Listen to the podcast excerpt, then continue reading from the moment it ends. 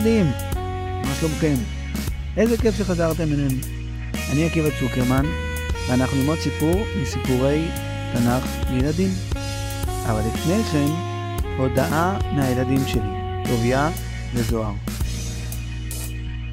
רגע לפני שנתחיל, אני רוצה להזכיר לכם שאנחנו שמחים מאוד על כל ילד וכל מבוגר שמאזין לנו. ואם אתם רוצים לעזור לנו, אתם יכולים לספר על הפודקאסט לחבר שלכם או לבן דוד שלכם, שגם הוא יקשיב לסיפורים. ויש עוד דרכים לעזור לסיפורי תנ"ך לילדים לגדול. אתם יכולים לדרג אותנו באפליקציה שבה אתם מאזינים.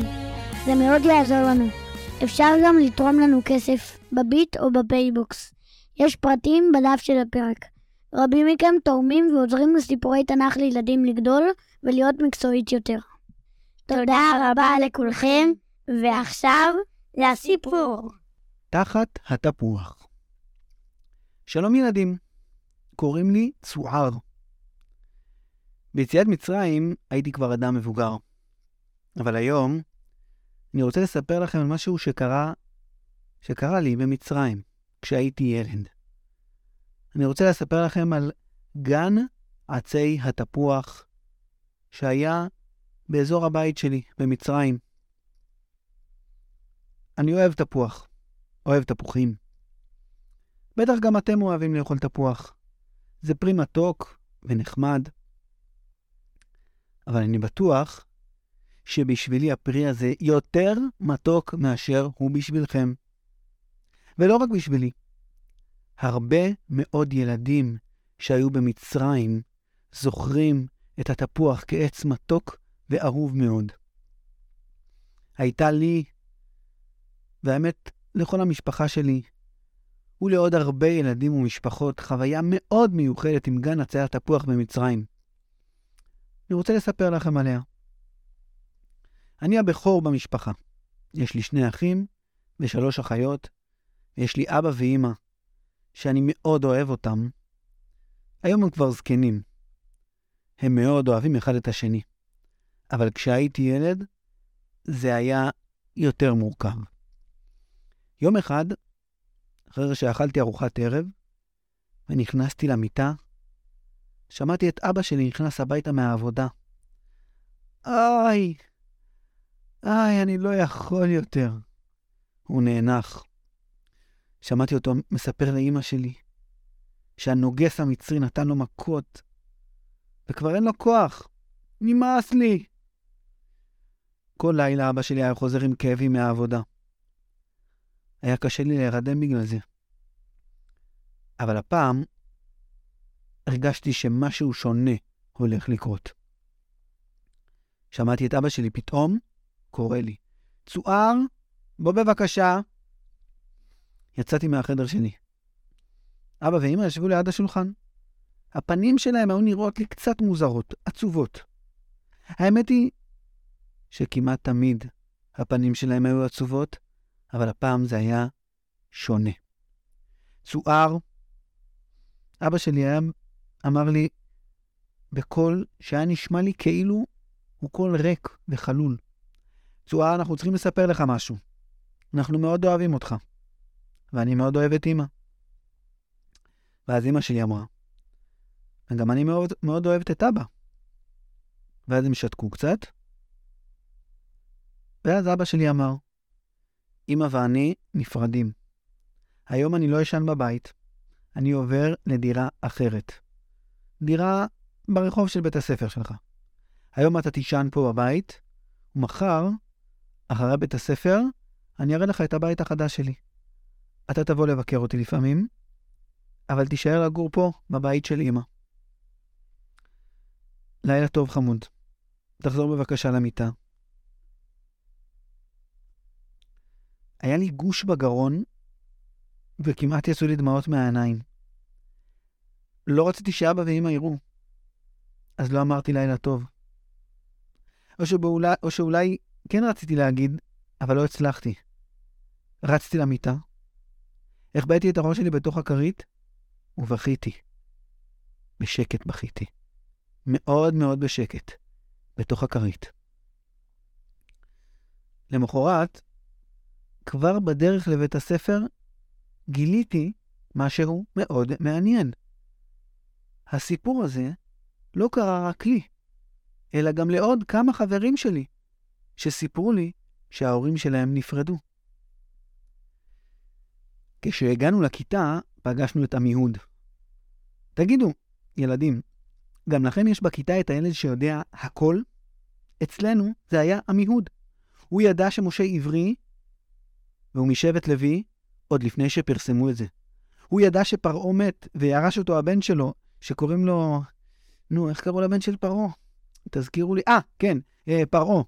בקיצור, הוא ידע הכל. עמיהוד אמר לנו, אתם יודעים למה ההורים שלכם התגרשו? זה בגלל עמרם. מה, לא שמעתם? עמרם הוא איש מאוד מאוד חשוב משבט לוי, והוא התגרש מאשתו, יוכבד. כששאלו אותו אנשים, הוא הסביר שאם זורקים את הילדים ליאור, אין טעם ללדת ילדים. לא כדאי להתחתן, ואין טעם שיהיו משפחות בכלל בעם ישראל. הימים שאחרי הגירושין של ההורים שלי, ושל ההורים של כמעט כל החברים שלי מהכיתה, היו ימים מאוד מאוד קשים. גם לפני זה לא היה לי טוב. ההורים שלי תמיד היו בלי כוח. הארוחות אצלנו בבית בקושי היה אפשר לאכול מה שאימא שלי בישלה. לאבא ואימא שלי אף פעם לא היה כוח לספר לי סיפורים. לא לשחק איתי ולא לעשות איתי שום דבר. כמעט כל יום אני שמרתי על אחים שלי הקטנים. אני לא זוכר מהילדות שלי שישבנו כל המשפחה ביחד לאכול ארוחת ערב נורמלית. אבא שלי תמיד היה חוזר מהעבודה כשכולנו כבר היינו במיטות. אמא הייתה חוזרת קצת יותר מוקדם, אבל מיד כשהיא הייתה מגיעה הביתה, הייתה נשכבת על השטיח, שמה את הראש על כרית ישנה שהייתה לנו בבית, ופשוט לא קמה, מחלקת לנו הוראות מהשטיח. תמיד היה לנו לא קל, אבל איכשהו, תמיד ידעתי שאבא ואמא חוזרים הביתה, וזה עשה לי טוב. אחרי שאבא עזב את הבית, זה הפך להיות הרבה יותר קשה. יום אחד הגעתי לבית הספר, וראיתי את כל הילדים בכיתה במעגל מסביב לעמיהוד. זה לא היה דבר חדש. אמרתי לכם שעמיהוד ידע הכל, ותמיד סיפר לכולם סיפורים, אבל הפעם הרגשתי משהו שונה מתרחש. בדרך כלל עמיהוד לא התלהב מהסיפורים של עצמו, סיפר אותם באדישות. הפעם הוא בעצמו מאוד התרגש. אתם לא מאמינים מה קרה. הייתי אתמול, תקשיבו טוב, בחתונה של אברהם ויוכבד. אתם לא מבינים איזה חתונה ענקית זאת הייתה. האנשים הכי חשובים בעם ישראל באו לחתונה. שמעתי שם את המבוגרים מדברים ומספרים שמי ששכנע את אמרה ויוכלת להתחתן בחזרה, זו מרים, הבת שלהם. היא אמרה לאבא שלה, תקשיבו טוב, אבא, אתה יותר גרוע מפרעה, יותר רשע ממנו. ככה היא אמרה לו. מפרעה אתם מאמינים? ואבא שלה, במקום להתעצבן עליה ולצעוק עליה שהיא חוצפנית, שאל אותה, למה את אומרת את זה? אז מרים ענתה לו, בגללך לא יהיה יותר עם ישראל, לא יהיו יותר ילדים. בגללך כל הילדים של עם ישראל עצובים ולא מסוגלים יותר. וגם הם לא יתחתנו, בגללך, וגם הם לא יקימו משפחות, בגללך. ועמרם השתכנע ממנה, הוא הקשיב לה, והוא החליט לחזור ליוכבד, וגם יוכבד רצתה לחזור אליו, והם התחתנו אתמול. כשחזרתי הביתה באותו יום, הרגשתי מין תחושה מאוד מוזרה בבטן, מין דקדוק כזה עמוק עמוק בפנים. מין פחד ואולי שמחה. רציתי לשאול את אמא שלי אם היא שמעה על החתונה של עמרם ויוכבד, אבל היא הייתה נראית לי קצת שונה. אמא, מה קרה? אמא שאלה אותי בחזרה, משהו שונה בי? הפנים שלה היו שמחות. אז שאלתי אותה, אמא, מה קרה? למה את שמחה ככה?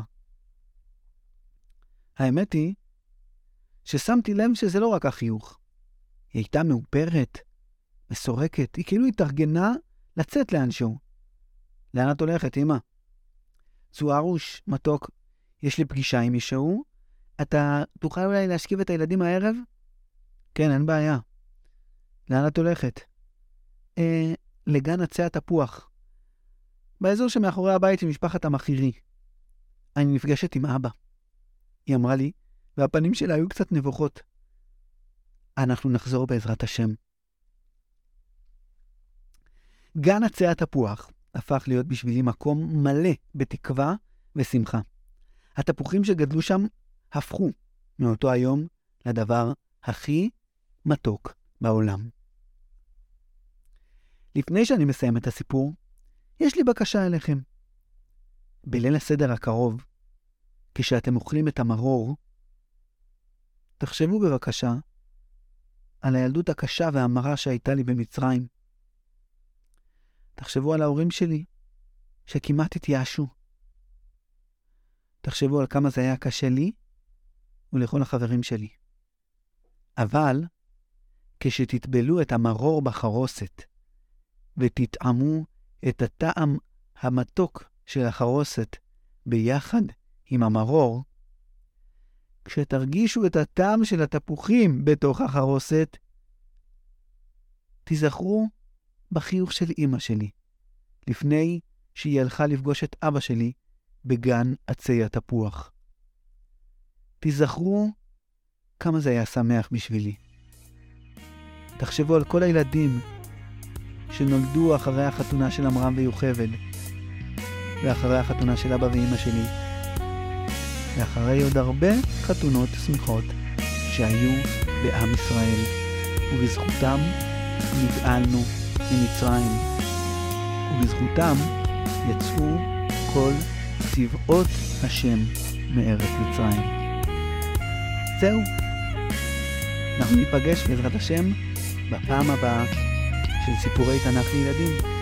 תודה רבה שהאזנתם לנו. להתראות.